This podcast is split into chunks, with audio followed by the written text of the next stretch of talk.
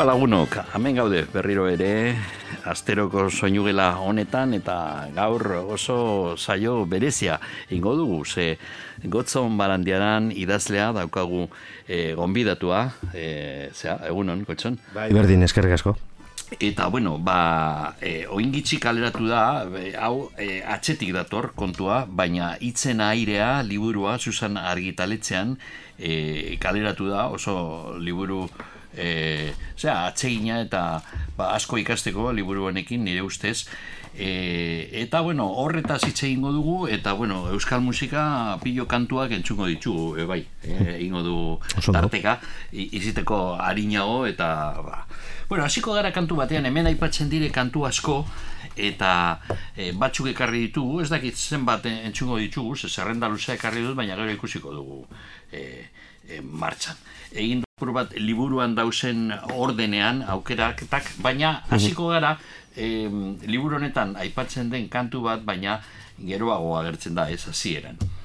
E, hause da, bueno, liburu honetan aztertzen dana, e, galdera bat dago, hemen daukagu izenburu poetikoa, hitzen airea, baina gero oso, oso ondo dago, e, zera, lehen egiten zan liburuetan askotan jakiteko zehat zer dagoen liburuan, zeri kantatzen diogu Euskaldunok, hori da azpititulua edo, bueno, alde batean agertzen dana, beraz, hartzen duzunean liburua badakizu zer irakurriko, zertaz irakurriko duzun. Eta, bueno, zuk esaten duzu, zelan e, aztertzen duzu batez be, e, ez herri kanta gintza osoa Euskal Herrian, e, ba, batez ere harremana e, kantu, osea, kantari eta idazlen artean. Idazlen testuak edo olerkiak musikatzen direzenean. Bueno, gehien bat jakine ere dire e, idazle euskaldunek idatzitakoak, baina badauz be bai, aipatzen dire, e, kanturen batzuk badauze adibide gehiago jakine, e, nun e, kanpoko mm, zera olerkariek egin, e, egindako lanak e, euskaratu egiten dire eta eta musikatu eta grabatu egiten dire.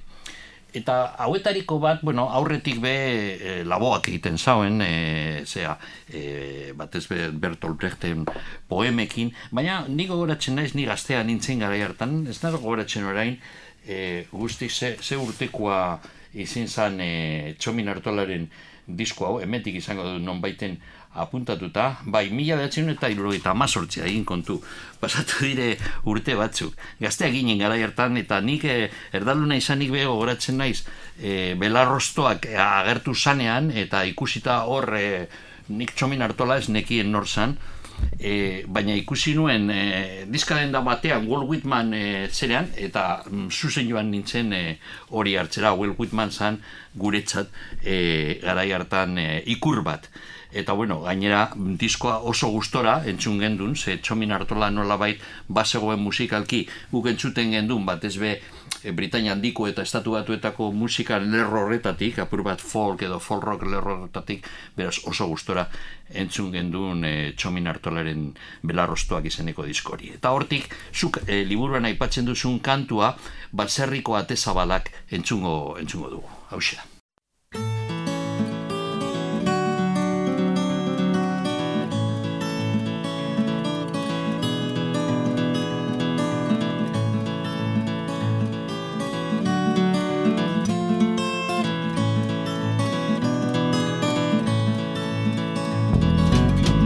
da. Baserriko ate zabala.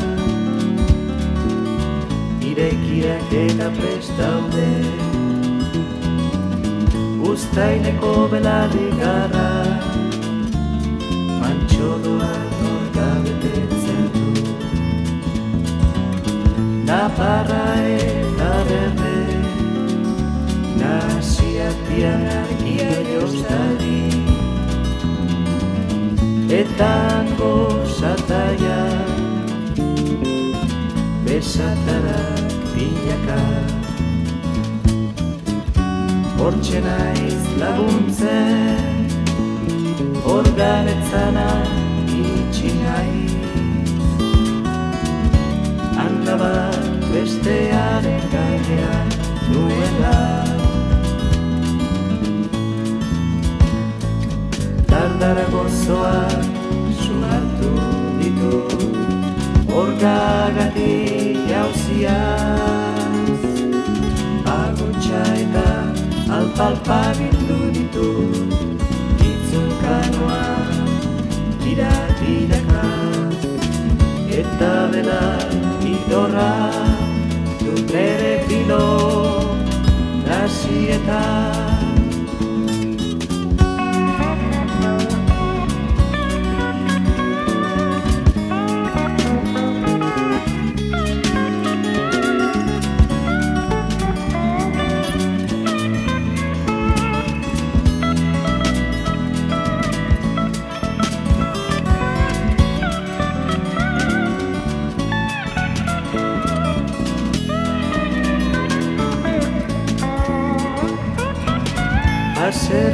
ate zabala Irekiak eta prest daude. Uztaileko belarri gara Mantxo doa norka betetzen du. Naparra eta berde Nasiartian argia jostari eta gozataia esatara milaka.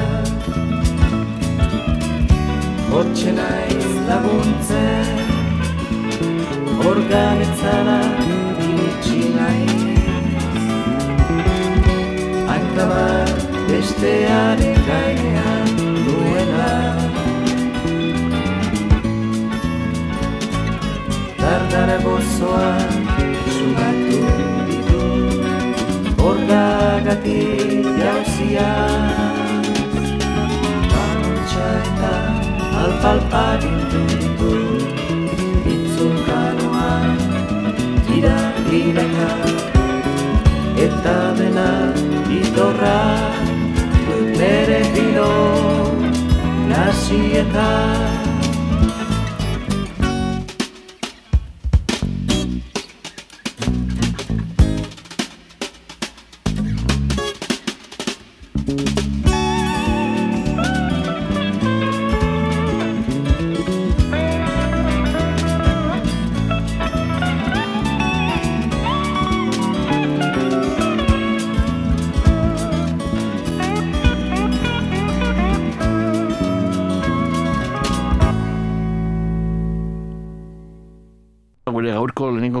kantua eta hasiko gara gotzonekin berba egiten, bueno, ba, gotzon, hause, komentatu da moduan aurretik dator, ezta? Orain liburu batean dago be, baina kontu hau aurretik dator. Azaldu pitxin bat e, nondik etorri zaizun ideia eta zelan e, garatu zan hori aurretik ikastaroetan eta bat. Bai, bueno, gu bageneukan literatura eskola bat, larrabatzun sortu genuena, bihotz bakartien klubekoek eta Susan aritzen ginen batzuek, e, Euskola Unibertsitate Popularra deitzen genion guk, Unibertsitate Herritarra zen, literatura irakurtzen ikasteko. Mhm. Geuk antolatzen genuen, geuk aukeratzen genituen islaria, geuk aukeratzen genituen gaiak, hau da, geuk elikatzen genuen geure burua. Horietako bat izan zen, inigo aranbarri eta narik anariri es, eskatu eta eskaini zigutena gure imaginarioa kantagintzaren bitartez.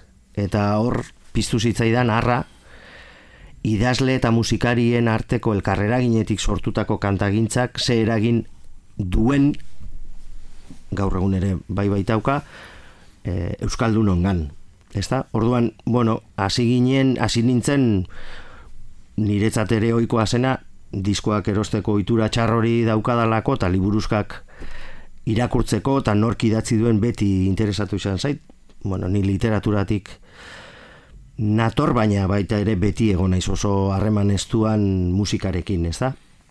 Beti interesatu zait letrak aztertzea. Mm.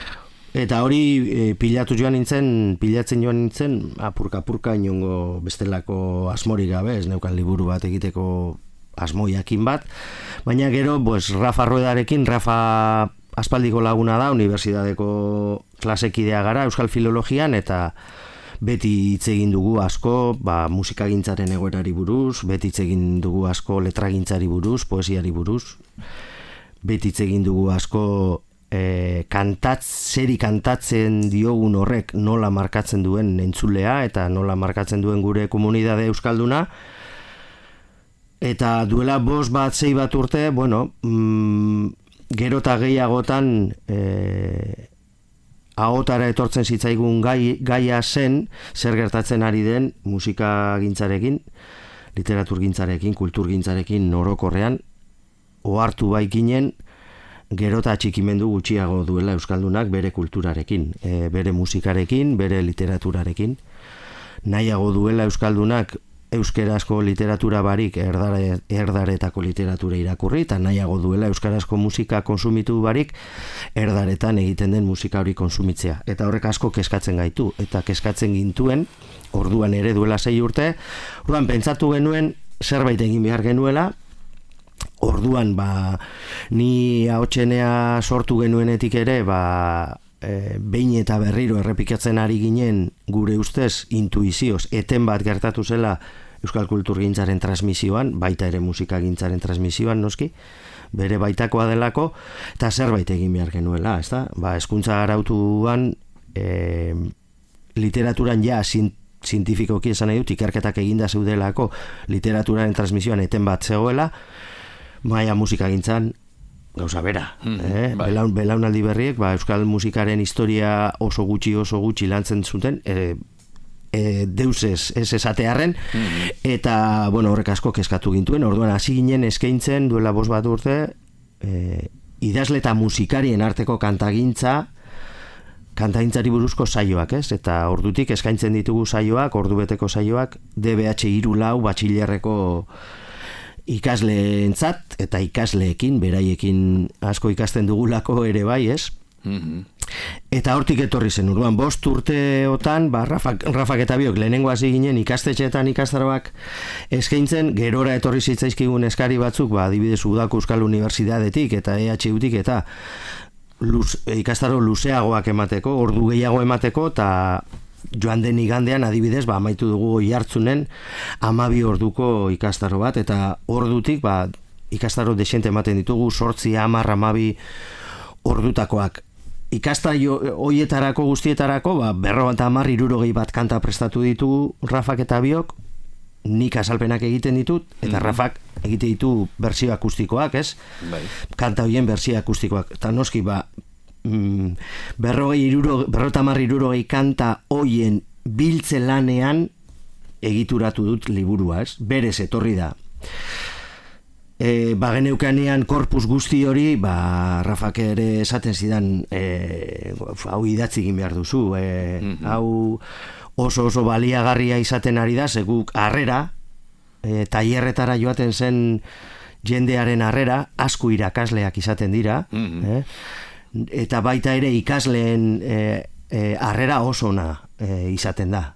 Asko estimatzen dute, zuzenean kantak entzuteaz aparte, kanta hoien zentzua ezagutzea, ariak lotzea, aurretik egin denarekin eta gero egin denarekin, ikuspegi integral bat eukitzeko, ba, emeretzigarren mendearen amaieratik gaur egunera arte, idazle eta musikarien arteko kantagintza horretatik, Euskaldunok zer kantatu dugun, ez? Zeri kantatu diogun.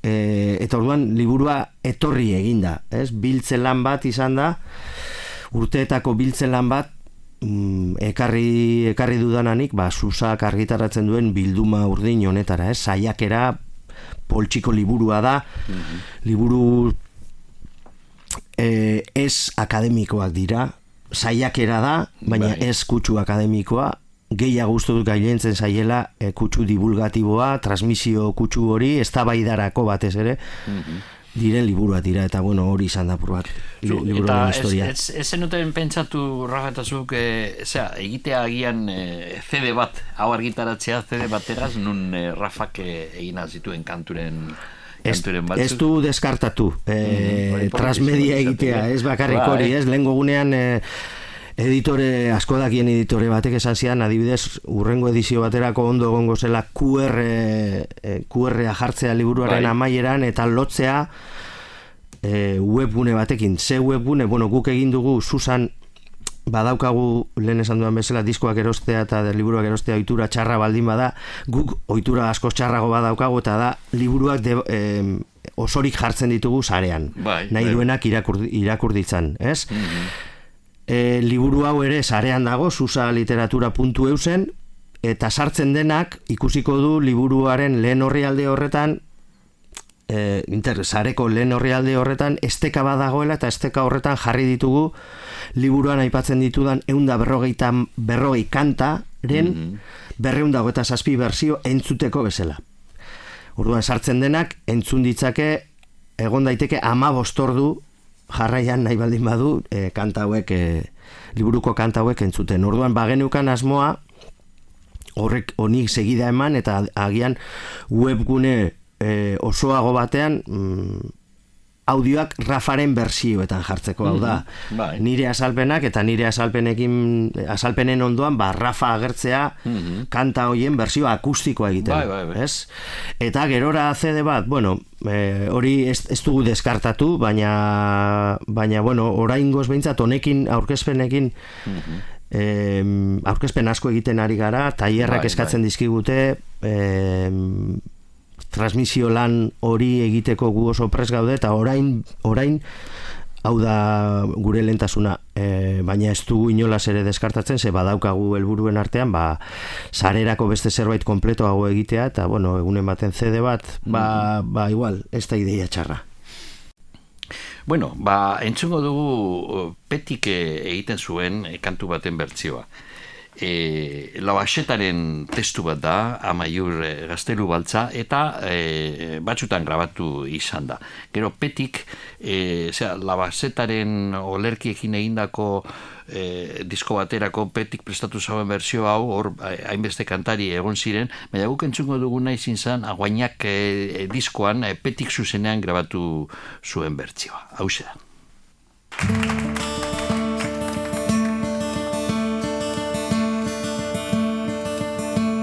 Amaiur gaztelu baltzori Berrehungu dari orosumin Zaitzen zaitu ben zaldun ona Naparralde zegin da bezin Izkilu gorri zenbat kaste Bildur bako mendikar lerde Eta horreik jatxu jaun horreik Javierreko zaldun guren Ikurrin bat kate eta lili Torre gotxixan zabaldago Bera salduko daun semedi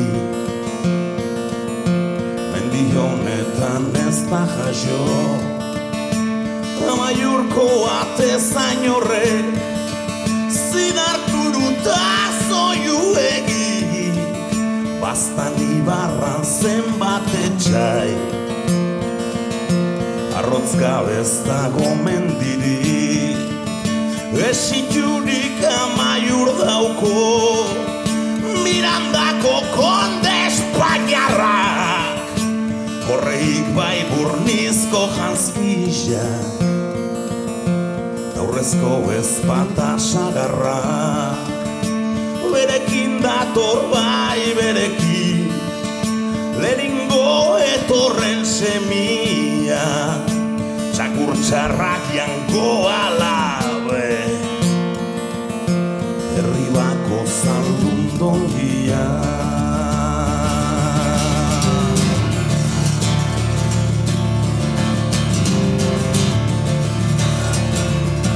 Oiko albetik hasten dira Hasten dira suaga hotxez Horma konta portretan zen batzu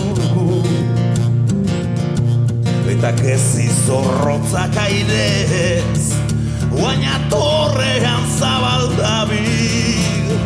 Ikurrin bat gatetali Nok zapaldu ete dagik ez. Berrehun gudari orok zoli Amaiurko gaztelu baltza. Iausi jatxuzko horrego txizak Baina arrotza etzadik heldu. Napar seme dira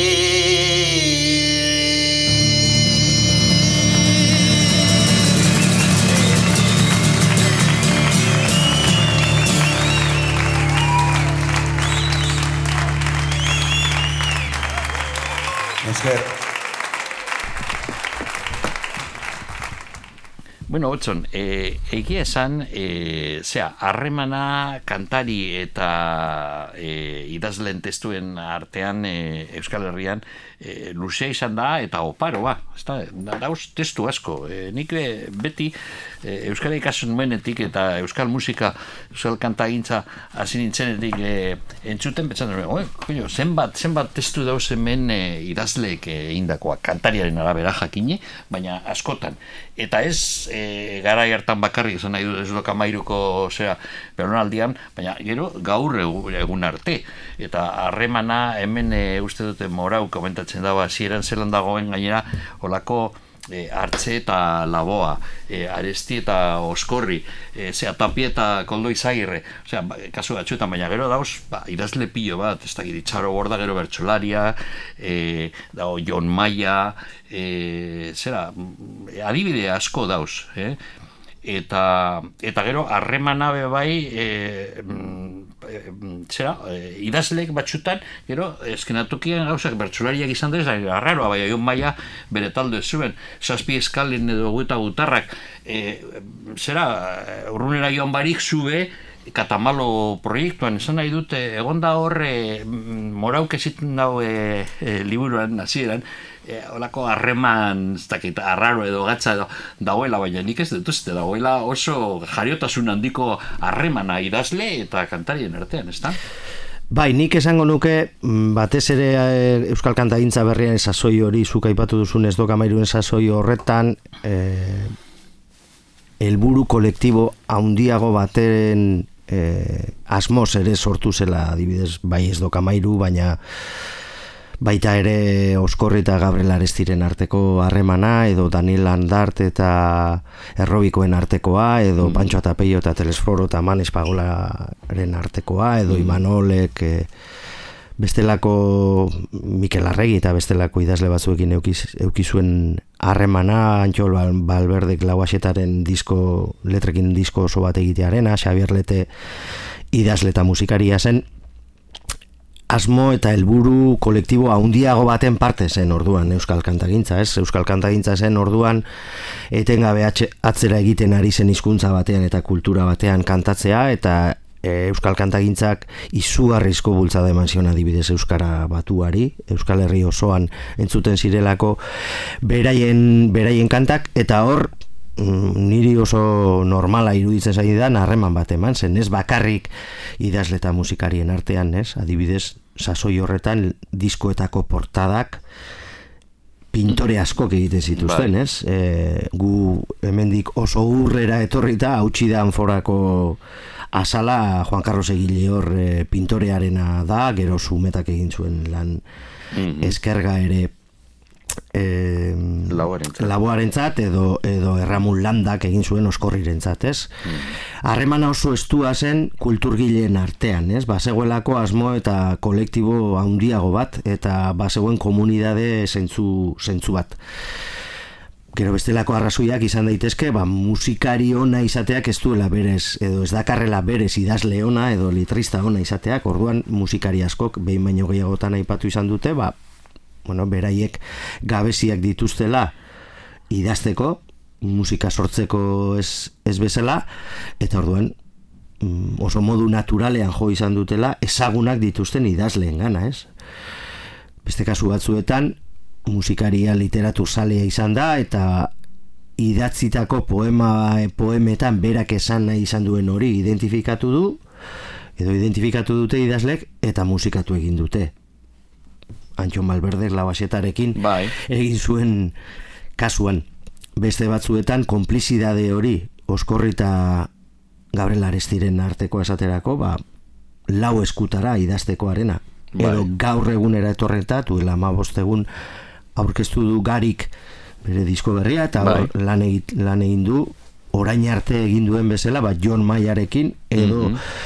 Igor Elortzarekin, edo John Benito idazlearekin, edo Jose Luis Padronekin ere lan egin izan du, eta berak Bai. letretan jartzen du, John Benito geigari, edo Igor Elortza geigari, John Maya geigari, Jose Luis Bai, bai. Padron gehi, Mhm. geigari, ez? Lau eskutara lan egin izan dute, Mm, Bernardo Ruper Ordorikaren lehenengo diskoa Bernardo Atxagaren Bai, letrez osoa. osatua egon da lan egin zuten lau eskutara bidertzean eh, Jose Luis Otamendirekin e, Bing, e, Mikel Urdangarinek Kirmen Uriberekin Rafa Rodak egin du hainbat idazlerekin eta lan egiten du hainbat idazlerekin. Keua Girretxeak hemen bizi den Mikel Etxaburu ondarrutarrarekin. Etengabekoa da harremana sorkunen disko berriena egin zuen Eider Rodriguezekin lau eskutara. Mm uste dut oso harreman naturala dela. Zergatik, bueno e, idazle eta musikariok e, elkarrek e, elkar, konsu, e, elkar guk sortzen duguna konsumitzen diogulako elkarri, ez? Hau da, irakurtzen ditugu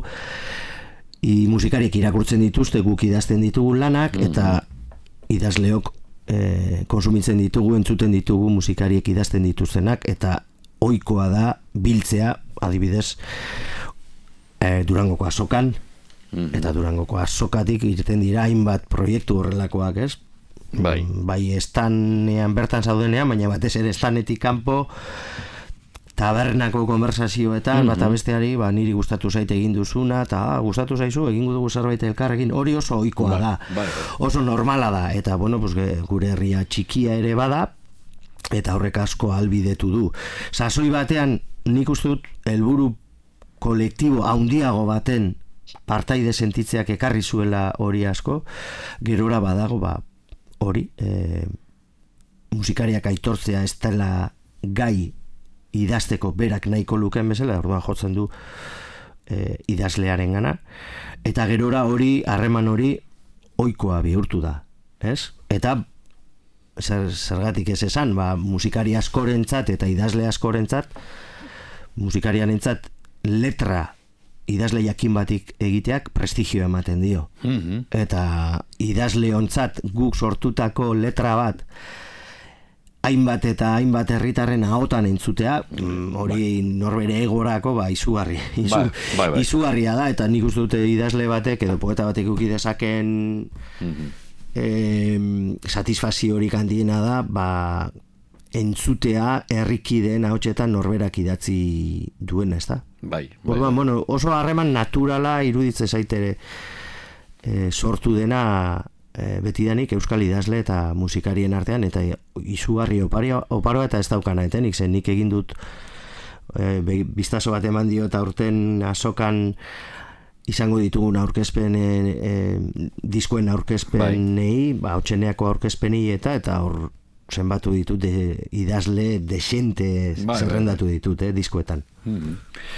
Ederto, ba, bueno, entzungo dugu beste beste kantu bat, ez du aipatu ondino, baina badago beste, zera, idazle, bertsolaria, baita idazlea, Xabiera Muriza, oso musikatua izindana.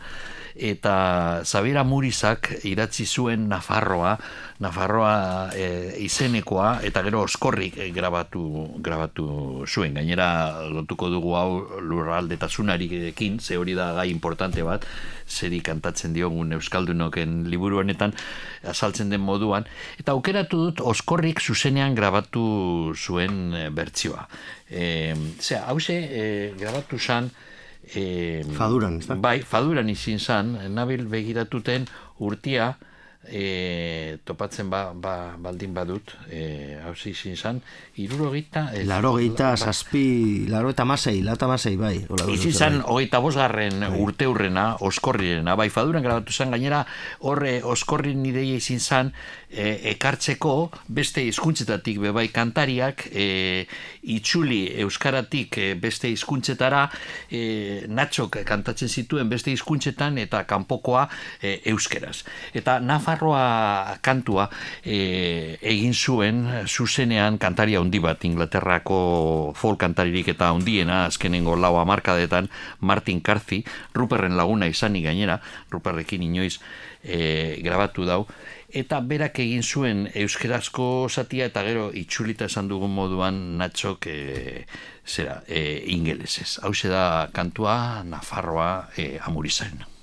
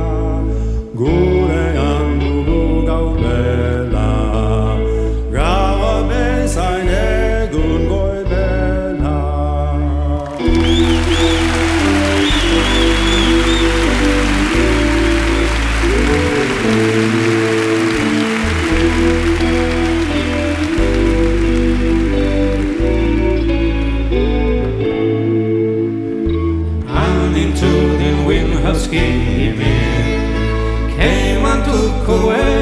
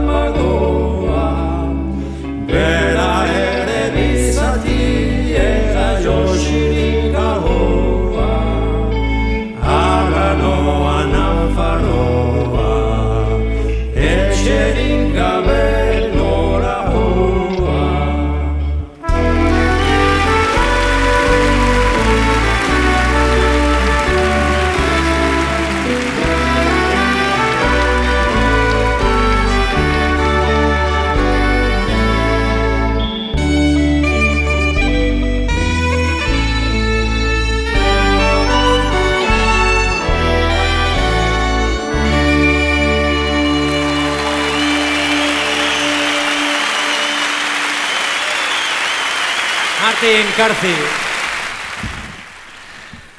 Bueno, ba, e, nigo geratzen naiz, e, kontzertu, kontzertu hau izan zanean, hor- hortik e, hilabete batera, Inglaterrako folk roots e, aldizkarian, agertu zan Andrew Cronsow, e, kasetaria, bai, mm, bereziki musikaria ondia ondia berak idatzi zauen egon zan e, e- egon da Euskal Herrian asko, garai hartan elkarrekoek gonbidatzen zuten bera, ba, zabaltzeko pitxin bat e, Britania ondian e, zera Euskal musika, eta berak idatzi zauen Folruz aldizkarian e, kontzertuaren e, kronika, eta berak esaten zauen e, harrituta zegoela, ze bera joan zan kontzertu horretara, begiratzen zauen hor e, publikoen artean, entzutegia, eta bueno, ba, erdi agian ez baina gutxi gora bera erdi eta erdi, andrak eta gizonak e, e, e, elkarrekin eta e. Gero, mm, kontzertu horretan gogoratuko duzu zu, zu egon zinen be, e, zera, etentxo batean agertu ziren e, zera, Euskal preso politikoen e, ordezkari batzu, e, zenideak eta bar, e, presoen ze argazkiekin, eta berak esaten zuen, koño, be bai, eh, borrokalarien artean bat ziren andraskoak eta gizonezkoak, baina gero eskenatokian eta musikari asko eta asko egon ziren e, gau hartan, esan egon andra bat bez.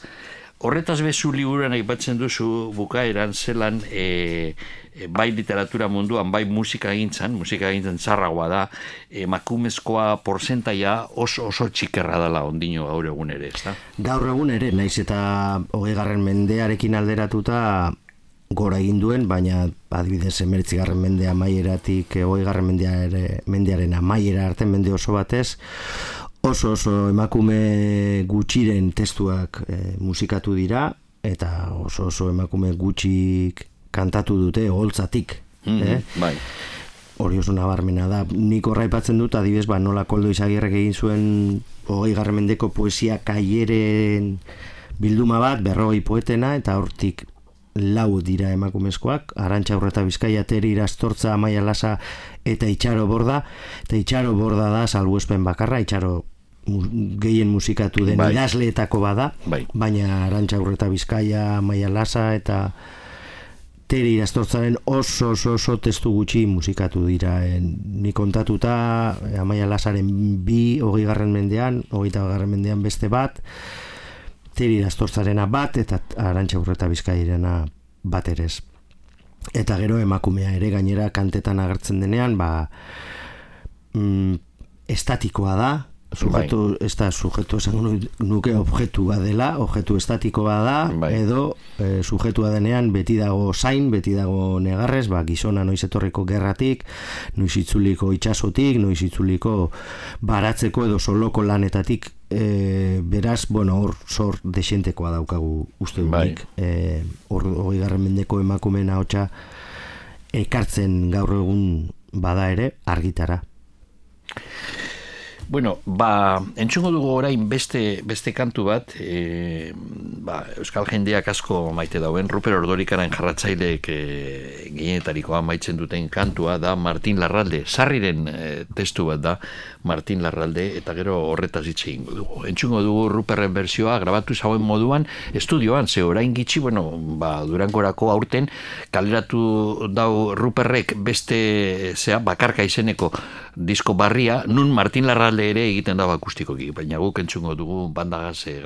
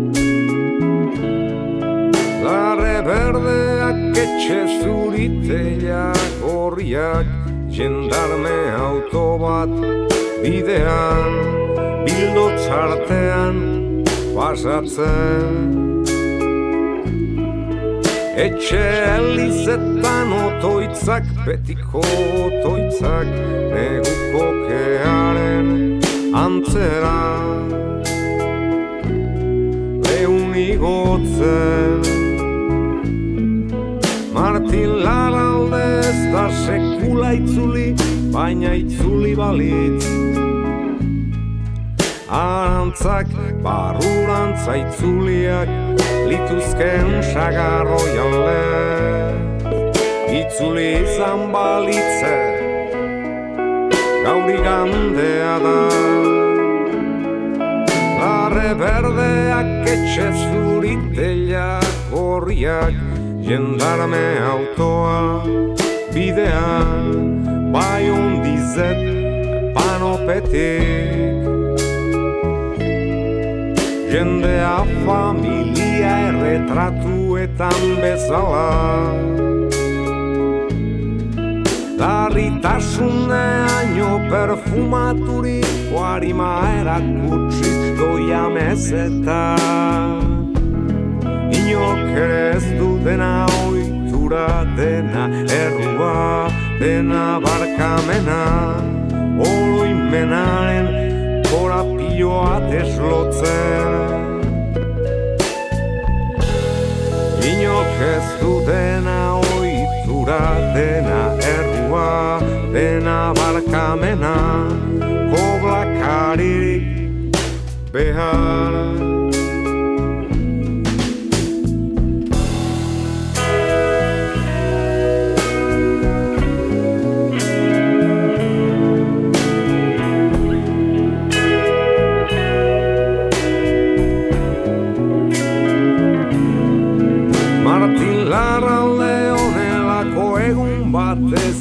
hiltzen Galeretan. Begiak zabalik etzan da Zerua itxaso zikin bat da Zerua itxaso zikin bat dela esanez. Agian zerua itxaso zikin bat dela esanez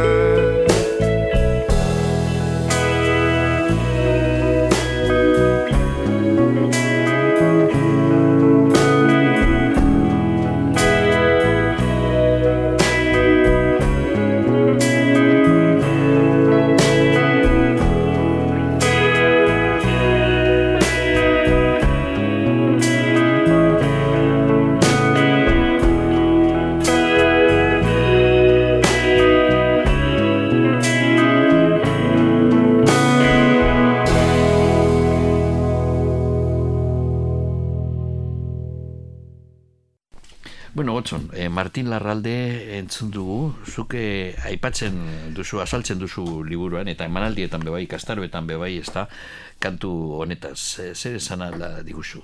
Asko esan daiteke ka- kantu honi buruz. Bueno, Martin Larralde, Bordasuri, Asparneko zapata gina izan zen, Ruperrek beti esaten duen bezala, aurkezpenetan, ez da? Bueno, honi gertatu zitzaion, persona bati gertadakioken tragediarik handienetarikoa. Bera zen pluma gaine baserriko premua lehenengo semea eta berari zegokion baserria berez. Baina aitak ez zuen nahi bera premu izaterik eta orduan segada bat prestatu zion berak bere familiarekin, aitak familikoekin, bordasuriren, arrebarekin eta lenguzuekin eta etxeko ekin, teorian gehien maite behar zuten hoiekin, orduan hilketa bat egotzi zioten Bor- eh, Martin Larralderi eta epaitu egin zuten e, e, eta errudun errudun jo eta kartzelan hil zen eh? Rokeforreko kaltzer, kartzelan hil zen Orduan, sarri hona india, eh, bueno, eta berak bere mm, testu, bueno, berari gertatutakoa, gerora piarre sarritonek e, frogatu ahal izan zuen bezala, e, galerianoren kanta ere, e, mila behatzi da amabos garrena, edo galerianoren kanta bezala ezagutzen da kantu hori, baina gerora jakin dugu berak etzuela idatzi, ez? Katxo izeneko bertzolari lagun batek idatzi zuela. Baina, berak bere bertso sorta horretan, diktatu, segura seguruenik, diktatu egingo zion bertso sorta horretan, aipatzen du, nahi duela asparreko herria jakin dezala zer gertatu zitzaion berari eta nola traizionatu zu, zuten bere etxekoek, bere urrekoenek. Eta nola jendea joaten zen Elizara, e, jende ona joaten zen Elizara eta gero pues, e, bere etxekoak eta gero pues, kapasak ziren traiziorik handiena e, egiteko, hau da, eriotzara e, kondenatzeko zeu zelan mm, bera ez, e, Martin Larralde. Eta orduan berak esaten du, sortu zituela Azparneko herria kanta zitzan eta e, jendeak buruz ikasitzan eta kontaz esan zer gertatu zitzaion. Horrek esan nahi zuen, borda xuritarren izen ona zikindu egingo zela betiko. Ala eta guztiz ere Martin Larraldek nahi du jenteak jakin dezala hor. Hau da, kantuaren funtzioari buruzko gogo eta bat ere badago. Ba, sarrik hartzen du hori, eta Martin Larralde poema sortzen du, laro eta bostean okerrespanago argitaratzen dena Marinel Sarrak bilduman, eta han esaten du gure ustez eta nire ustez behintzat esaldi klabe bat, eta da Martin Larralde itzuliko balitz, arantzak barrurantza itzuliak lituzken arroza legez, lehenengo gero Ruperrek moldat, Ruperren eh, moldaketan zagarroia lez, aipatzen da, hau da, itzuliko balitz Martin Larralde eta kontatuko balu, ez? Bere buruari min eh, emanda ere, ez? Ose hori da, azkenean zagarroiak zagarroia itzultzen bada trikua, kirikolatza, eh, bizkaian esaten den bezala, mm kirikolatza itzuli eskero, arantzak barrurantza esan nahi du, bere buruari min ematen. Emanez itzultzen dela, ez? Orduan hor nik uste dut badagoela sarriren e, mesu bat aldarri ez dut esango, zein ez du aldarrikapenik egin, baina badago uler daiteke mesu bat eta da kontatzen hasi behar baldin bagara, kantatzen hasi behar baldin bagara, dena konta dezagun, dena kanta dezagun, ondo egin duguna eta txartu egin duguna ere bai, hau da, geuri min ematen digun hori ere kontatu behar da, ez eskutatu. Ez? Orduan oso kanta interesantea da lotura egiten baldin badugu bordasuriren historiarekin, tragediarekin, bere bertzoiekin aria egiten baldin badugu zubia batetik bestera, ba nik uste dut berez e, Rupersale askorentzat kanta muga, mugarria izan daiteken kanta bat, e, Martin Larralde ba, beste dimensio bat hartzen du. Bai. Bueno, sarriren e, ze, olerkiak lehenko gunean irakurri nauen e, eun da berrogeita bost olerki ezberdinak e, musikatuak izan dire, da astokeria bat betetan. Bai. Sarrik esaten zauen e, e, berak nahiago zukela anonimo izatea, jendeak ez jekidea. Emetik urte batzuetara gertatuko zaio, seguru, Bai, seguru, bai, nik bai, bai, bai. Mikel Laboa e, gure kantu liburuetan, herri guztietan dauden kantu liburu horietan, beti agertzen da. Egile bezala Mikel Laboa eta idazlea ez da agertzen edo agertzen da Euskorri eta Gabriela ez da Bai, bai, ez da bai. agertzen. Sarriri gertatuko zaio emetik amarra ma urtera. Bai, bai, bai. Bueno, ba, entzongo dugu, osea, be- beste, beste kantu bat, e, zuk beha aipatzen duzuna liburu honetan, hori e, testua otxandioko pitxor kapanagak idatzitakoa da, bagera, eta mendibilta zeberrik aspaldian grabatu izan zuten.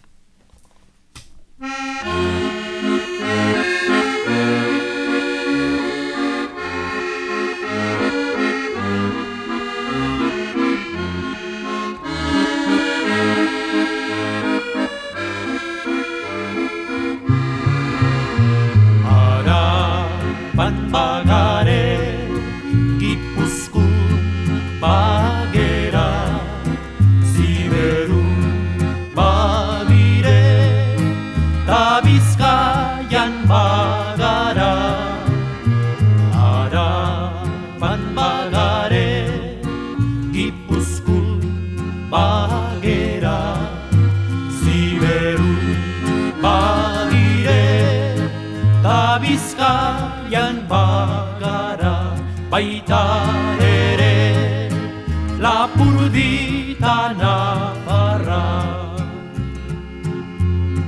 Guztiok gara euskaldun Guztiok anaia gara.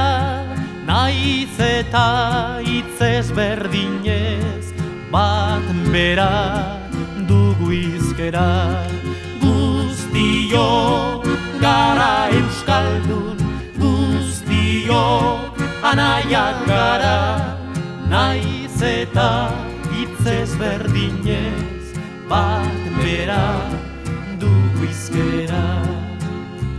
Araban bagare Gipuzku bagera Ziberun bagire Ta bizkaian bagara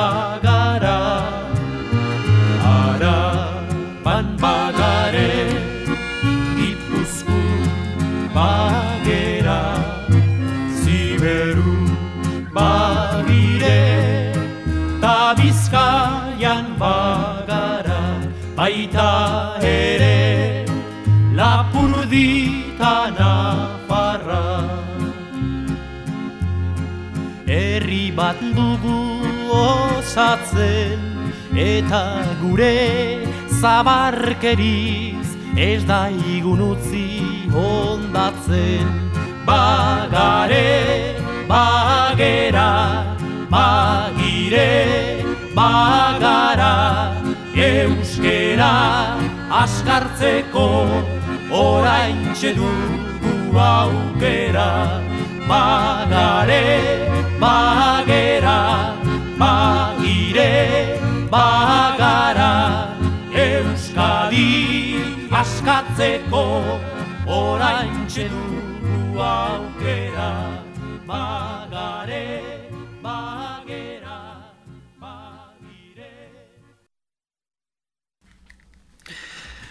Bueno, ba, zeintzuk dire berazuk hemen aipatzen duzu zelan gure, gure kantuetan, gure kantagintzan nolabait ikusalda herriaren anima, ezta? Ze- Zelan eh, ikusten duzu, bueno, astratzen duzu liburuan, baina ba, laburpentso bat eh, egin, zez. Bai, nik emeretzigarren mende amaieratik e, gaur egunera arteko idaz eta musikarien elkarre eraginetik sortutako kantagintza hori aztertuta gai askori buruz kantatu dugu, baina nik egin dudana batez ere da gehien errepikatzen diren gaiei buruzko kanta, kanta zerrenda bat ekarri liburu liburura eta horri buruzko hausnarketak proposatu eta horietako bada, bosoina adibidez bagare entzun dugu, ba, e, hizkuntzari buruzkoa da, baina hizkuntzari buruzkoa beti ere lotuta identidadearekin. Bai. Ez? Hau da, irurogei garren amarkada arte, edo berrota amargarren amarkadaren amaiera arte, batez ere identidadeari kantatu diogunean, kantatu diogu hiru ardatzetan oinarritutako identidade, identidade horri, edo hiru ezaugarritan oinarritutako identidade horri. Hizkuntza lurraldea eta fedea. Mhm. Ez, hiru hiru hoiei. Gero aresti agertzen denean eta arestik ekartzen duenean poesia bilbora, ez, e, modernidadera, ba fedeari baino gehiago azten zaio kantatzen klase kontzientziari, klase borrokari, ez, Bai. hizkuntzari lurraldeari eta klase borrokari be, kla, klase borrokari, ez? Langile, eh, langile izatearen kontzientzia horretatik. Baina meretzigarren mendetik, ba, iparragirre azten da, ja, iparragirre gehien entzun den gure poeta izango da, segura, segura aski, ez? Ba, ja, iparragirre sortzen ditu, sortzen dituen kantak simbolo bihurtzen dira. Eh? Simbolo afektiboak, baina simbolo eh, politikoak ere bai. Simbolo diskursiboki, intelektualki, politikan eragin handia eukiko dutena. Gernikako arbola, Bai. Euskaldun askorentzat, gaur egun ere, oraindik ere, eh, Euskal Herriaren batasunaren ikurra da, eta horrelakoak etengabe izan dira.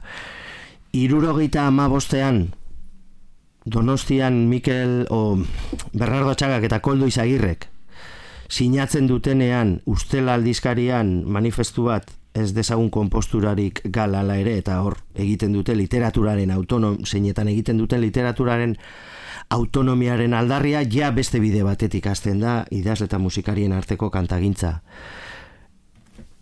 Mezu aldarrikatzaileak, mezu evidenteak, e, mezu zuzenak, lehen kolpean entzuleak ulertu eta barneratu behar dituenak idaz, idatzita kantatzetik, apurka apurka idazle eta musikarien arteko kantagintzan, hasten da gailentzen sugerentzia, iradokizuna, interpretazio bat baino gehiago eta aldarria helburu ez duten ez duen e, kantagintza bat, ez? Lehen entzun dugu Martin Larralde, ba Martin Larralde horretan e, Joseba Sarrinendiak ez du inongo aldarrikapenik egiten, ez? Deskripzio bat egiten du, irudien bitartezkoa oso indartsua dena, baina entzuleari, irakurleari ez dio eskatzen jarrera aktibo bat berak esaten duen horrekiko. Zeren beste kantagintza horrek, aldarria helburu duen kantagintza horrek, entzuleari, idazle, eh, idazleak eh, zein musikariak entzuleari eta irakurleari jarrera aktibo bat eskatzen dio.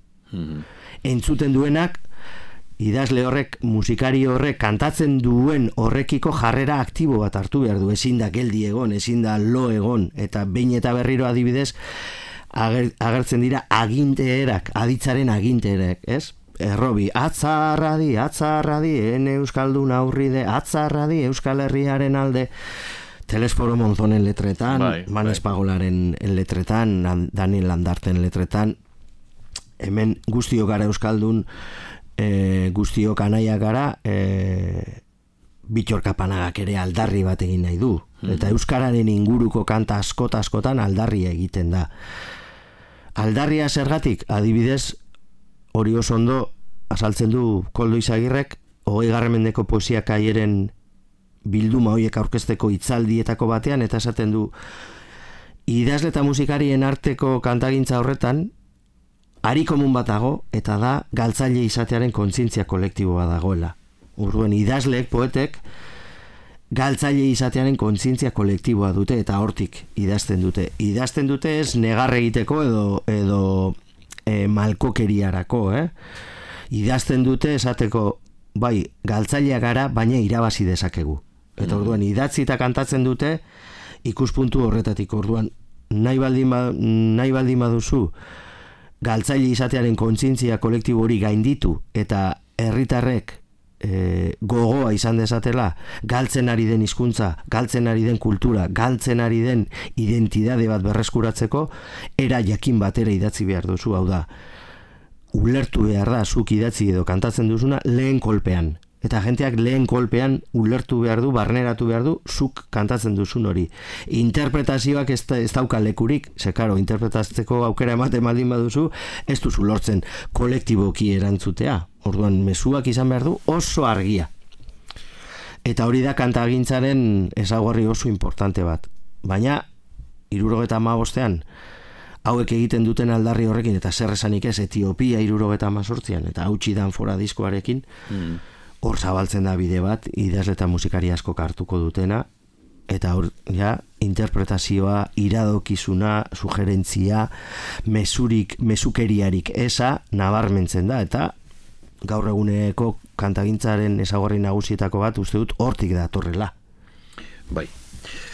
Bueno, orain e, entzungo dugu beste, beste kantu bat, hau da, zea, Joseba Tapiak e, orain e, urte batzuk e, egin zuen oso bilduma e, interesgarria eta tira eta tumba eta tira baltzari zenekoa, nun, e, bueno, Euskal Herrian emeretzigarren mendean izandako bi gerra zibiletan e, garai hartako testuekin, e, e, guztiak bat izan ezik izen gabekoak dire idazleak, zuk aipatzen duzu zergaitik liburuan, hor dago bebai Serafin Barojanen testu bat, hori sinatutakoa, eta bueno, hor agertzen dira bai karlisten aldekoak, bai eh, liberalen aldekoak. E, ikusten da, bueno, liburu honetan gainera aztertzen duzu, e, tirabira horik, zuk aipatzen duzun orain gitzi, zelan hizkuntza e, herria lurraldea, eta fedea, hemen e, zea, ba, horretaz e, gauz asko agertzen dire, eta bueno, guk e, aukeratu du e, kantu bat, e, tapiak e, musikatu zuen, e, zea, bertso batzuk, hau da, himno patriotiko izenekoa. Sua bai euskaldunak, sua luziferri, ez zaiteztela izan horren errukarri. Beltzak ekarri zuten hori sentxitlarri, gerra mutilak gerra, jende faltxo harri. Ea bada bila gipuzko atarrak Zuekin datoz bizkai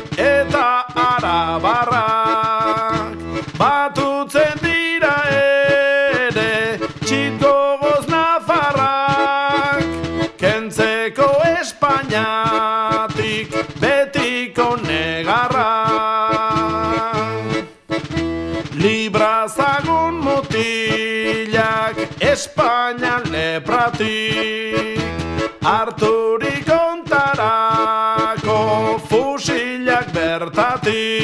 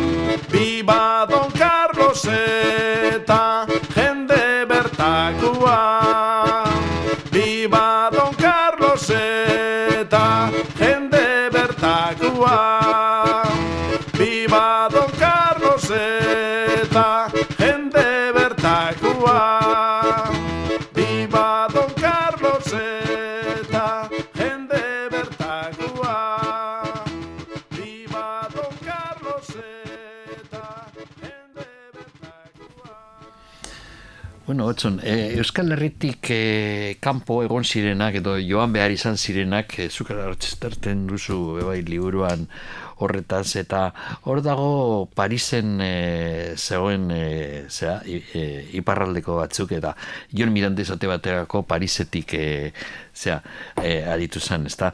Eta e, zer, zer esan dezakezu horretaz? Ze gainera Mirandek ekarri zauen kantagintzara e, e, gai batzuk ez zirela noikoak, ez da, Euskal Herrian?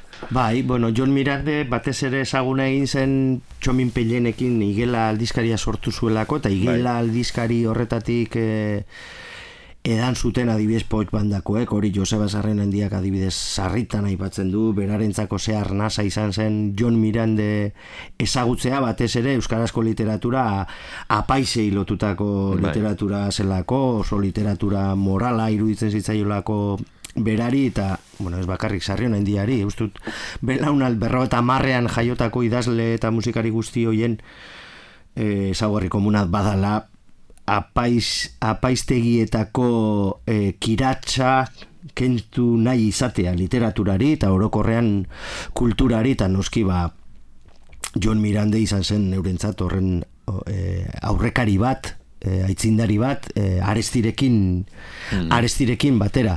Eta zu diozun bezala ba adibidez John Mirandek ekarri zuen sexuari buruz hitz egitea eh, asko egurtu zuen fede kristaua Bai. eh, John Mirandek asko egurtu zuen fede kristauari lotua zegoen abertzaletasuna eta horri etzioten barkatu eh, besteak beste euskaltzain oso ez zuten egin horregatik eh, John Mirande eta orduan, bueno, naiz eta gero ba, asko nabarmendu zen bere ideologia, esan ez, bueno, eman, mm, nazismoaren oso inguruko, bueno, nazionalsozialismotik oso urre zegoela, eta, bueno, liluragarria suertatu zen idazle batzuentzat, John Mirande, eh, askatasun hori agertu zuena John Mirandek ordura arte berbagai ez ziren gai batzuk oso modu agerikoan lantzeko eta bueno eh, oianone bezalako testu, testu bat. Bai. eh, aur besoetakoa idatzia zeukan berak Nabokofen Lolitaren oso pareko. Bueno, horreka astoratu egin zuen bat baino gehiago. Nik gogoratzen dut ertzainak taldearen bigarren diskoan e, hau dena aldatu nahi luke diskoan deskubritu nuela John Miranda eta musikatik beste askotan bezala iritsi nintzela bere, bere literaturara. Gero ereinek argitaratu zuen bere poemak deitzen dan liburu bat eta horni ere txundituta gelditu nintzen John Miranderekin. Baina ezagutu ertzainaken disko horri eskerra ezagutu nuen eder bati deitzen den e, poema bada ez da letra bat beren beregi egindakoa, baizik eta hori ja publikatuta zeukan John Mirandek eta ertzainakekoek modu harrigarri batean hartu zuten, zeka ertzainak gazteiz erdaldun batekoak ziren, taldekide erdia baino gehiago erdalduna, eta zer eta guraso arbaso siberutarrak zituen idazle bat aukeratu zuten. Bueno, beti ere ertzainak e, kontra ez, e, sistemaren kontra literatur sistemaren kontra ere bai.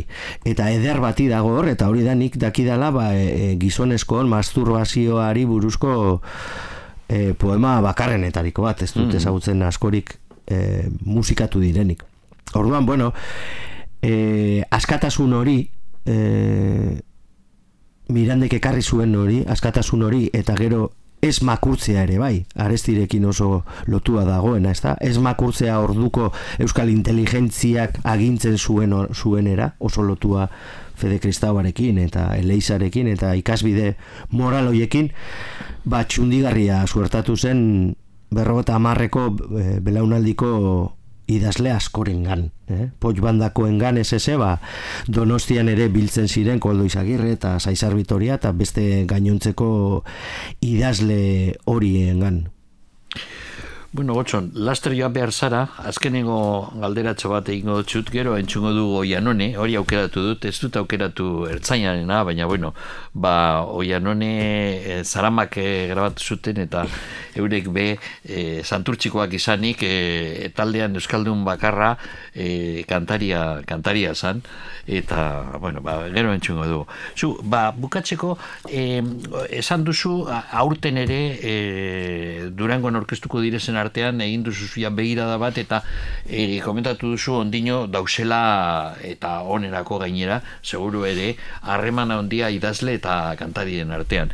Zean ikusten duzu zuk em- hementik e, gerora zeri kantatzen diogu euskaldunok aldaketara aldaketak egongo dire horretaz edo mm, jarraituko dire gauzak e, liburu honetan aztertzen diren lerrotatik.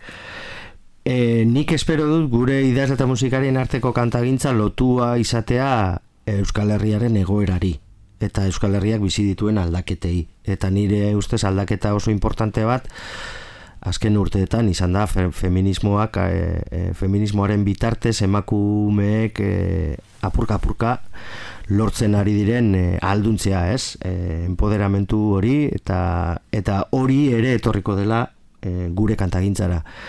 Nahi nuke ere, behinola, nahi nuke edo, gustatuko litzaidake ere, idazle eta musikarion arteko kantagintzak euskarari eta lurraldetasunari ere idaztea.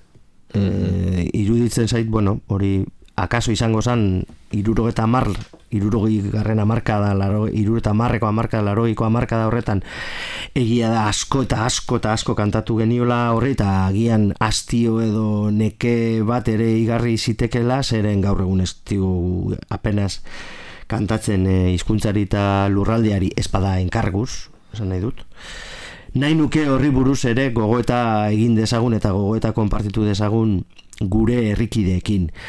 Eta iruditzen zaite hildo, hildo horretan eh, emakume idazle eta musikarien begira da ikuspuntu aldaketa oso importante izango dela, ez? Eh, hogei garren mendeko idazle eta musikarien arteko kantagintza gizonezkoek idatzitakoa eta kantatutakoa da gizonen ikuspuntutik. Oso indarkeriari eta indarrari, indar erakustaldiari, konfrontazio bortitzari lotua iruditzen zait.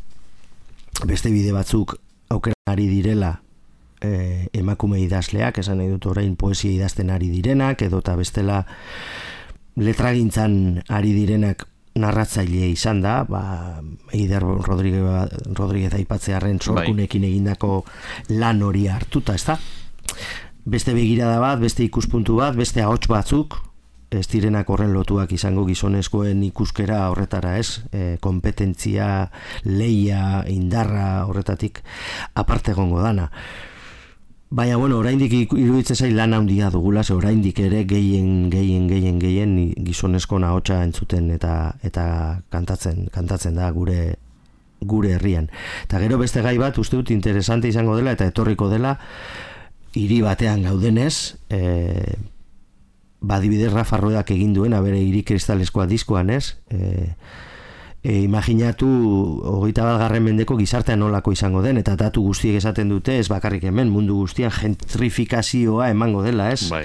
Gentia pilatu egingo dela hirietan eta horrek sortuko du bizitzeko beste modu bat interesantze iruditzen zaidana aztertzeko adibidez Rafa Ruedak egin, egin zigun idazle batzui esk, eskatu zigun ba, imaginatzeko hogeita algarren mendeko hiri batean eta gehienak gehienok uste dut bilbo hartu genuela Bai. hartu genuela kokaleku nola biziko da hogeita bat garren mende, mendean e, iritarra, ez? Nolako izango da iritarra, nolako izango da iritarra euskalduna. Hogeita bat garren mendean, ez? Zeintzuk izango diren gure keskak. Zeri kantatuko diogun, zelango izango den harremana. Egongo ete da helburu kolektibo, kolektiborik. Ez? Bai, Edo bai. ja norbanakoak bere esparrua babestu eta e, hori indartuko du. Bueno, oso gai interesante iruditzen zait. Oraindik uste dut goizegi izan daitekela on liburu honen adibidez hogeita bat garren mendeko berzio bat egiteko uste dut beste amarra amabost hogei urte utzi Bai, beharko ditugula bai, ez, perspektiba batekin aztertzeko zeri kantatzen diogun baina adibidez bai Rafaren diskoa iruditzen zait idazle eta musikarien arteko kantagintzari buruzari gara etengabe, Mhm. eh? kantagintza Bai, bai. hori baino askoz gehiago da Bai. baina Rafaren eh, eskema marko hori oso interesante iruditzen zait eta uste horretatik ere asko joko duela, ez? Hau da, hogeita bat garren mendeko Euskal, Euskal iritarra, ez? Hogeita bat garren mendeko irian, ez? Eh, nola kokatuko garen eta nola biziko garen eta zein zekeskei buruz kantatuko dugun, idatziko dugun. Ba, oso ondo gotxo. Mi esker, uga segoteagatik e, liburu honetaz berbaitzen eta, ba, bueno, ia, e, zera, jendea be animatzeko gure badute, zuk aipatu duzun ikastaroa e, antolatzeko euren, zera, ikastetxean, edo euren elkartean, edo euren gaztetxean, edo nun nahi, eta, ia, suerte dokazuen. Mi Esker, esker, eh? eskerrik asko zeueri. Bueno, ba, entzungo dugu orain eh, komentatu dugun kantua Zaramak eh, aspaldian grabatu zuten oian hone, Jon Mirandoren eh, testoa.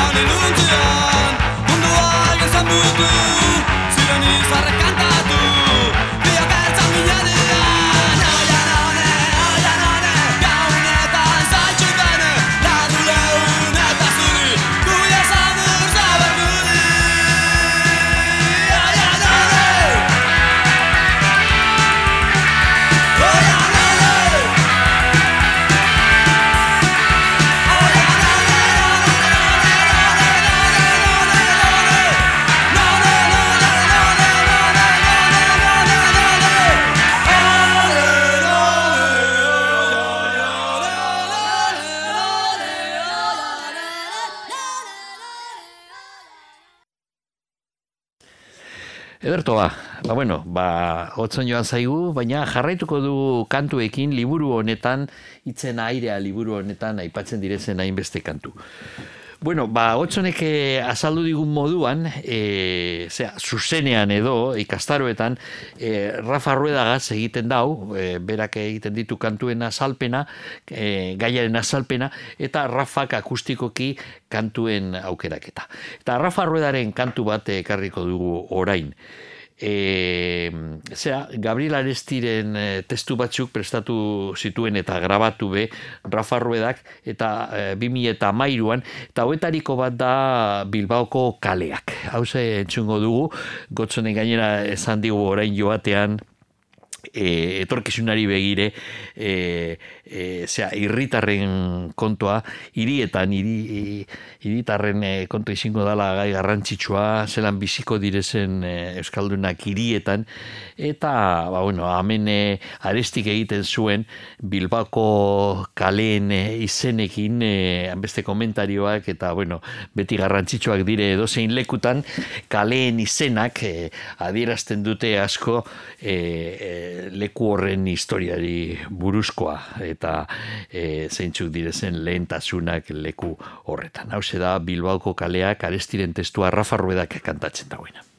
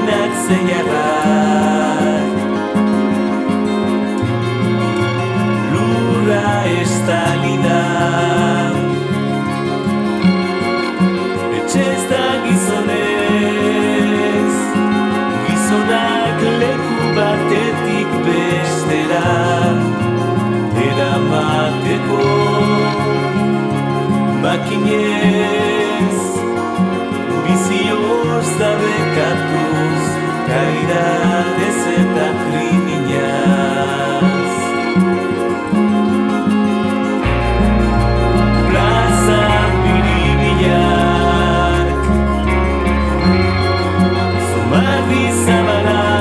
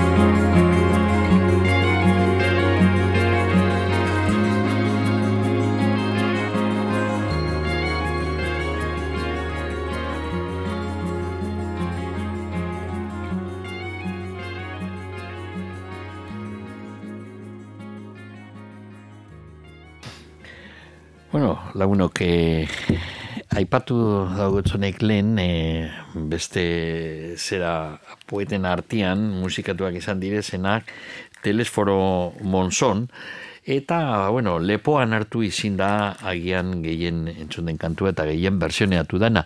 Liburuan aipatzen dire berzio batzuk, baina bat azten jaki eurei aipatzen eta guk entzungo duguna izango da hori. Gainera orain gitxi uste dut, e, aurten edo pasanen urtean agian izan gendun e, gelan kantu hori. Da rip taldeak e, euskeraz grabatu zuten kantu bakarra. Lepoan hartu. Hauek dire ripekoak eta larogeita zazpian grabatu egin zuten kantu hau. Ti alla radio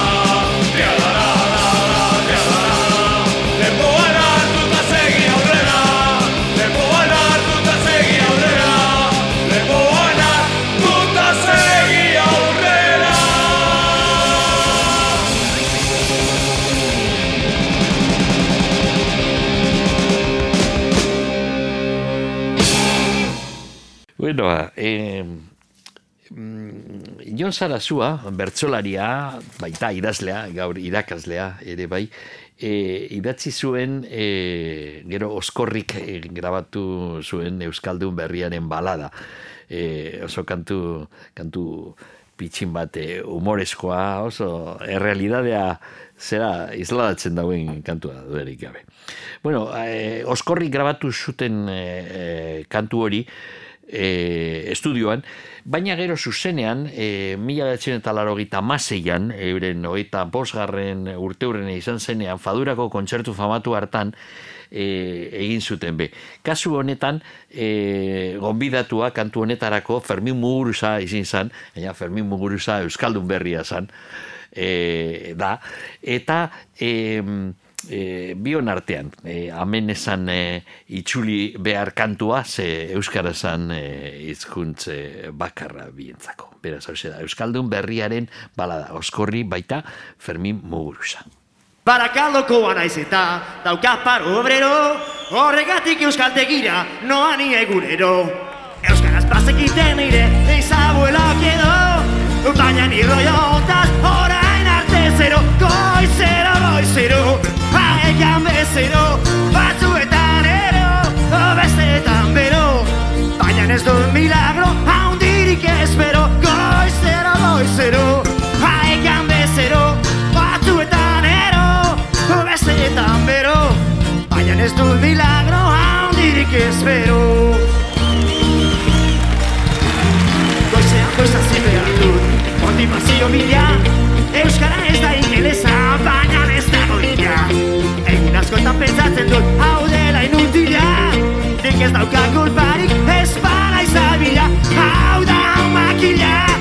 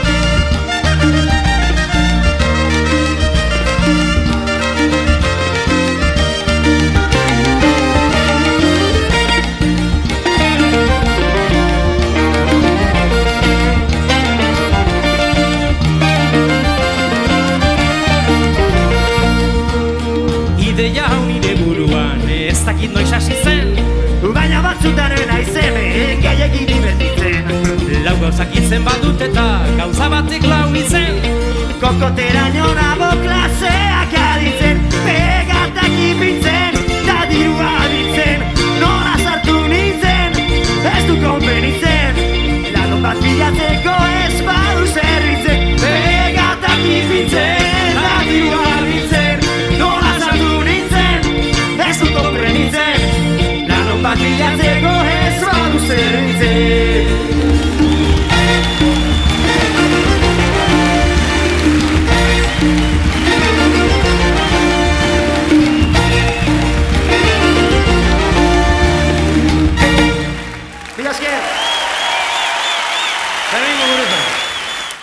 Zuzenean, Natxok esaten zaben moduan, Fermin Muguruzagaz eta kantua Jon Sarasuaren azan.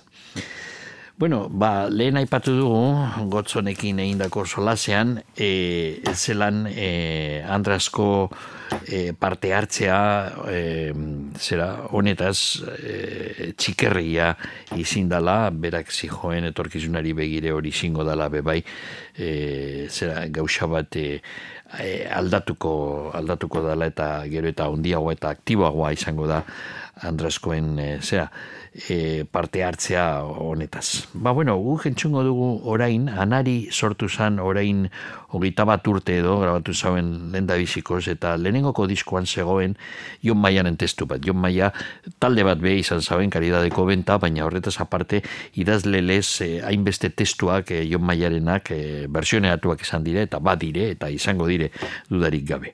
Minaren funtsa, eh, anariren eh, lehenengoko diskoa zegoen kanturik eta honenetarikoa Jon Maiaren eh, testuarekin egindakoa zan. Hauxa. Thank you.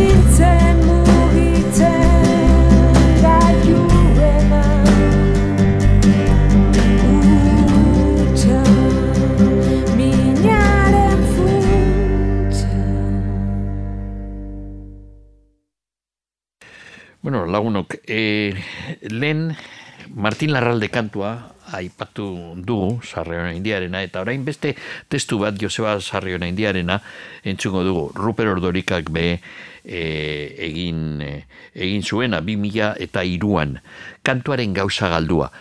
Lehen e, gotxonek esan dauena sarriren testu hartan berak zijoen e, zera, gure kontra esan dei buruzkoa, gure gauzak e, txarto egin ditugun gauzei buruzko e, olerkiak eta kantuak e, badausela sarrik egindakoak eta hause da hauetariko bat. Kantuaren gauza galdua.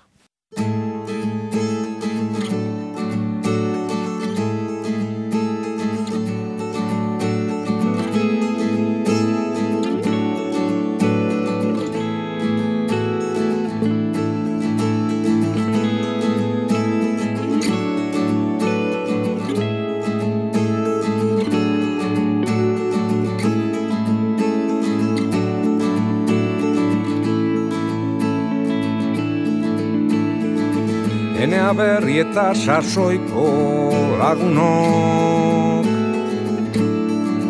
Mundua oskatzeko maneran parataide garelarik Zuekin batera aurkitu nahi nuke Ure hitzen zen zueder galdua. Logak jokerreko eskaileatik igonez garen onaino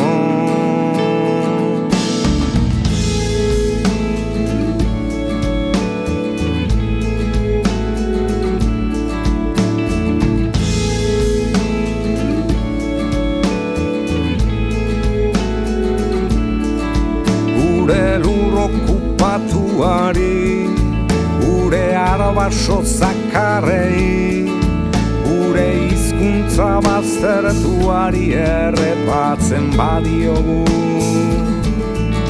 Badirudi ez dugula berri ez sasoi ez mintzaira ez kantarik Geuk asmatu duguna baizik.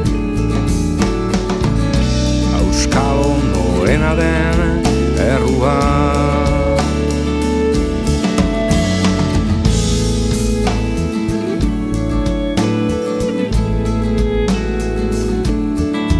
Agian geuria da eta urrutiago joan gabe. Geure buruaren aurka ekin beharko dugu. Gure bakardadia baino zapalako gara. Eta leio txipik ez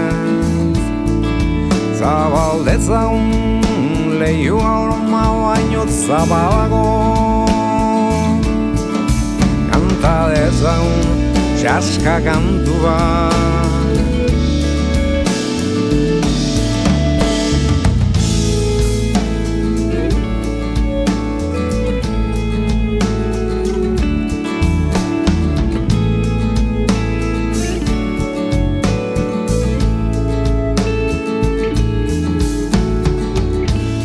bat Kanbarako botila utxak zaborretara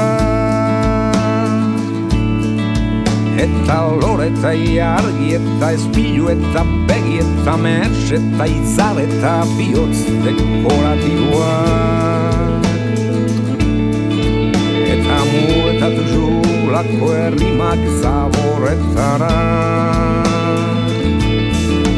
Astin dezaun hautsado mistiku neharate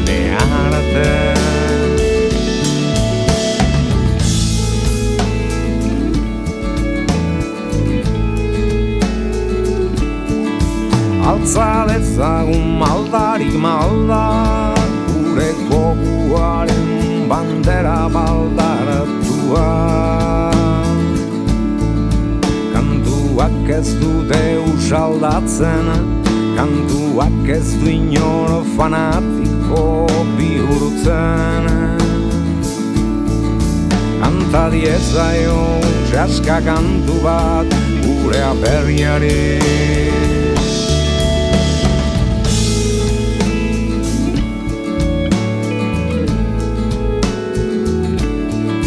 Baina ekin dezagun ariketa Gure aberri eta sasoian tankerako soinuak aurkitu aratak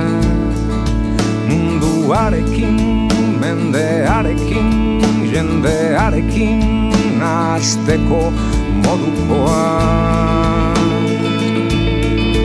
Musika egitea ez da gauza itzela Soinua berregitearen joko usala Gogoetar hilgatzeko manera hemen datzea.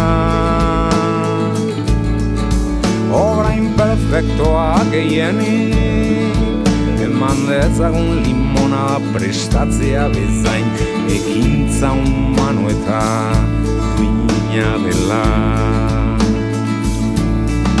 Kanta diezaio txaska kantu bat Gure berriaren txaska usari. Kanta diezaio txaska kantu bat Gure berriaren txaska usari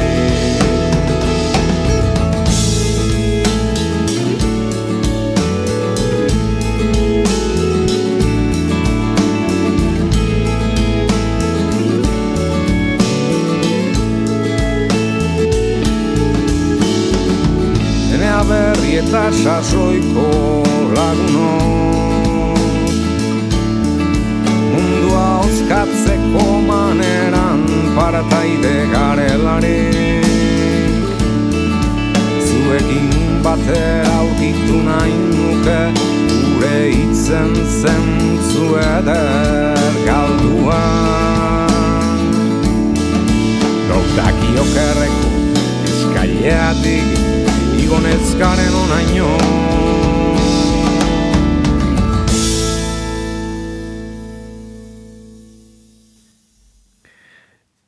Xavier Lete idazlea, olerkaria, baita kantaria ere izan zen.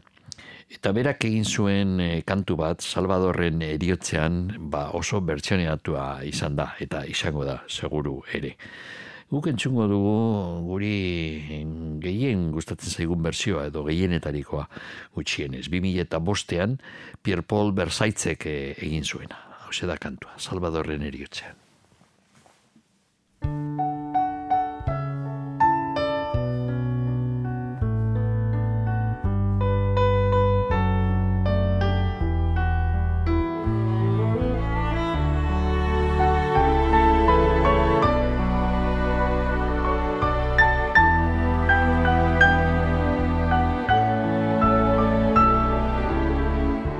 Adiskide bat bazen Orotan bihotz bera Poesiaren hegoek Sentimentuzko bertsoek Antzaldatzen zutena Klasetako kantari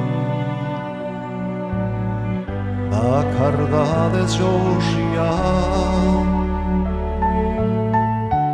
Itzen lioa iruten, ere barnean irauten Oinaz ez ikasia, ikasia. Nunago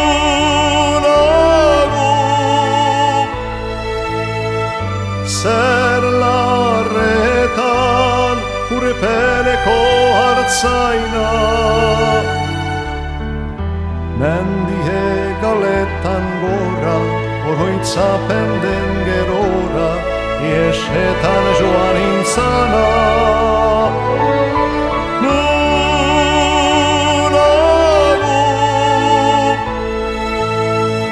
Zer larretan urpeleko hartzaina Mendie galetan gora, oroitzapen den gerora, Iesetan joan intzana.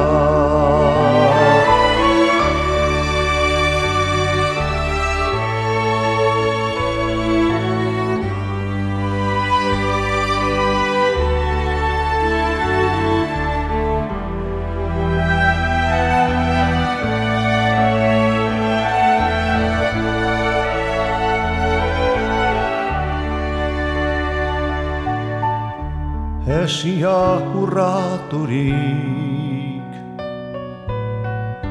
Libratuen kanta Lotura guztietarik, horputzaren mugetarik, aski sentitu nahirik. Azken atxauela, bertsorik sakonena, Nehoiz esan ezin diren estalitako egien oiurik bortitzena, bortitzena. Nun agu, zer urepeleko hartzaina, Mendie galetan gora, oroitzapen den gerora, iesetan joan intzana. Nun agu, zer larretan, urrepeleko hartzaina. Mendie galetan gora, oroitzapen den gerora, iesetan joan intzana.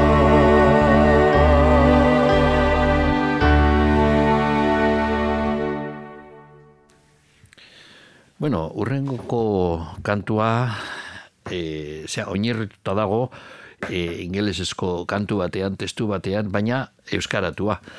Lurri de e, kantaria, kantaria, kantaria ondia zan, baita e, kantu egile edo letra egilea ondie. Bera musikari baino batzutan pentsatzekoa da idazlea zan, literatura zan bere helburua. Eta berak e, ia testamentu moduan egin zuen kantu eder bat, kantu harrigarria, joa mai izenekoa, nor naiz ni izenekoa, eta ma, mi esker e, lurri diskorako gorka urbizu izan zan e, arduraduna kantu hori e, abesteko.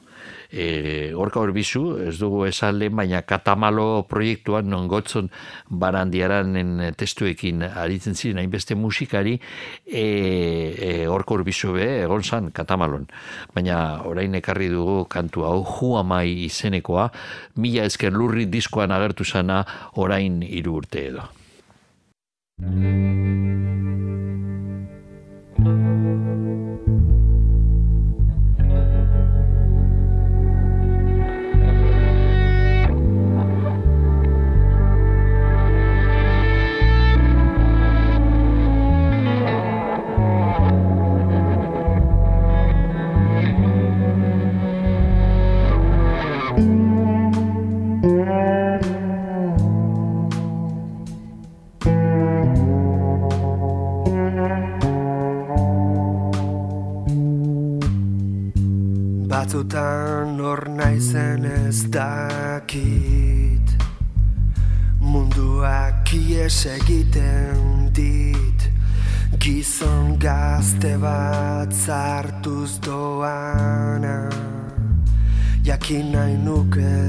dakarren geroak. Ispilu aurrean aurpegiak baditu. Hainbat zimurra gerian. Maite zintu dala erakusten dute. Eta pasioak arrazoia bitan duela hausten Gelditu behar dute eta usnartu hau. Oroimenak iluntzela nau gogoan dugu gertan ziteken hori. Eta gero aurregin errealitateari. Batzutan galdetzen dut nor naizen to an here Norke gaitzak normaitasun ezan Ez dakit zenbat bizitzan dezakeran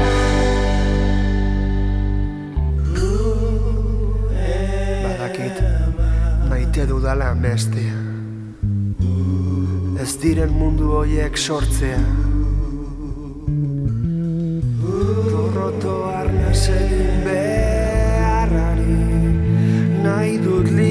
Izan eta gorputzau betiko utzi Egan egin ume mistiko bat bezala Nahi diot aingeru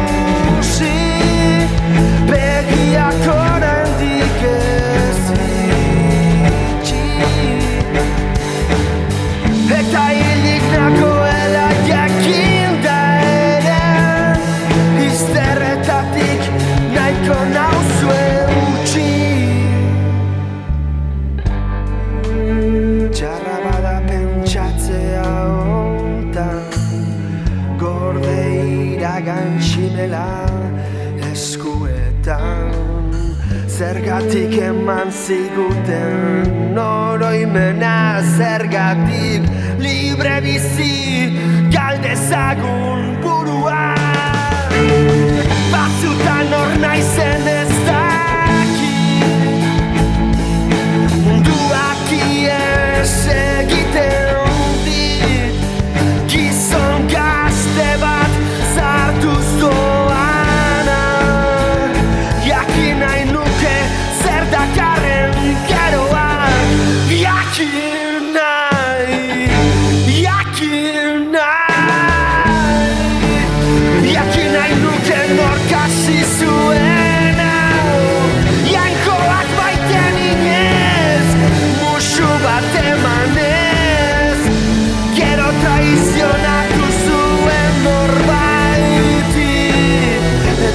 Eta maitasuna zigunera uzi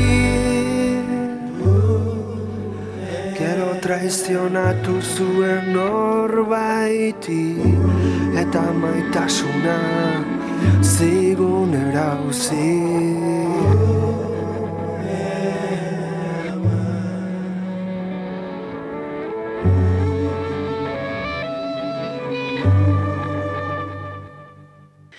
Ederto ba, ba bueno, azkenengo kantu bat entzuko dugu gure gaurko soinuela honetan. E, atzaga, Bernardo Atzaga da beste idazle bat e, eta bere poemak, bere olerkiak asko musikatuak izan dire askotan. E, Mikel Laboak egin zituen hainbeste kantu, Javier Muguruzak e, bebai, baten bat, eta beste e, kantari batzuk, baina batez ere e, Ruper Ordorikak izan dau bere kantutegian e, zera, bestiak e, atzagaren testuekin egindakoak. E, esate baterako Ruperren lehenengoko diskoa lehen aipatu duguna be gotzonekin solasean egon garenean. E, hautsi da anfora izenekoan testu guztiak ziren Bernardo Atzagarenak e, gero Ruper eh, hasiko zan laster testuak egiten eta testu ederrak ere. Baina e, erdoiarena lehenengoko disko hartan zegoen. Eta orain e, aurten kaleratu duen bakarka disko barri honetan ere akustikoki e, eta bere kabuz bakarrik egindakoa hor erdaiorena, erdaiorena da o, e, diskoaren hasieran dago lehenengoko kantu. Eta hau da gaur entzungo dugun azkenengoa soinu gelan.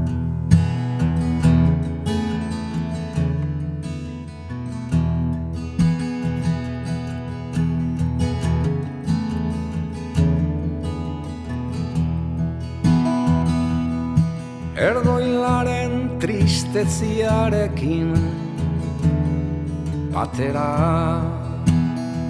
Ziutate honen soinekua Udazkenetan Lambrua da. Eta bere txabaia laino baso Bat nun biziten ilargiaran Bada ez badako agurrian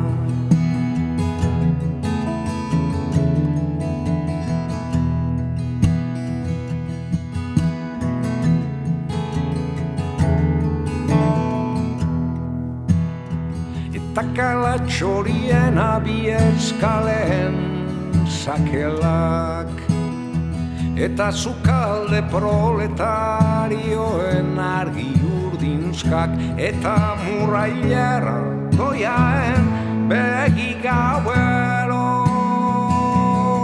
Zubizarren etatik ibaiari soperri paper saltzailea Itzez ezagunen iztegi bati bezala.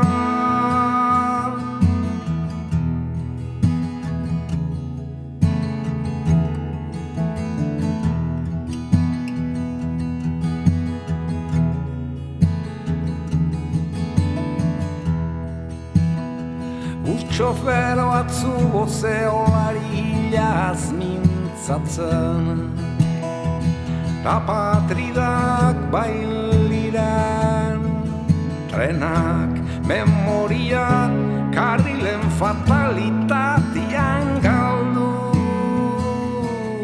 Denboraren oial xinglea arratxezkoa soilik. Arrabita baldarren nostalgia kantoietan Eta arutzago Moscow.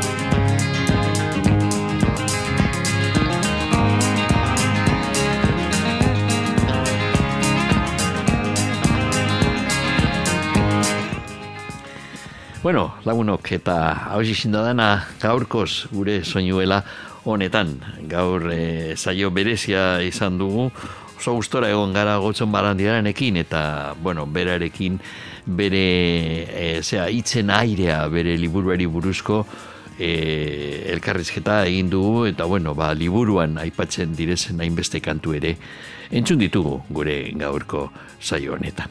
Hau zizindadana gaurkoz, ondo ibili eta datorren astre arte.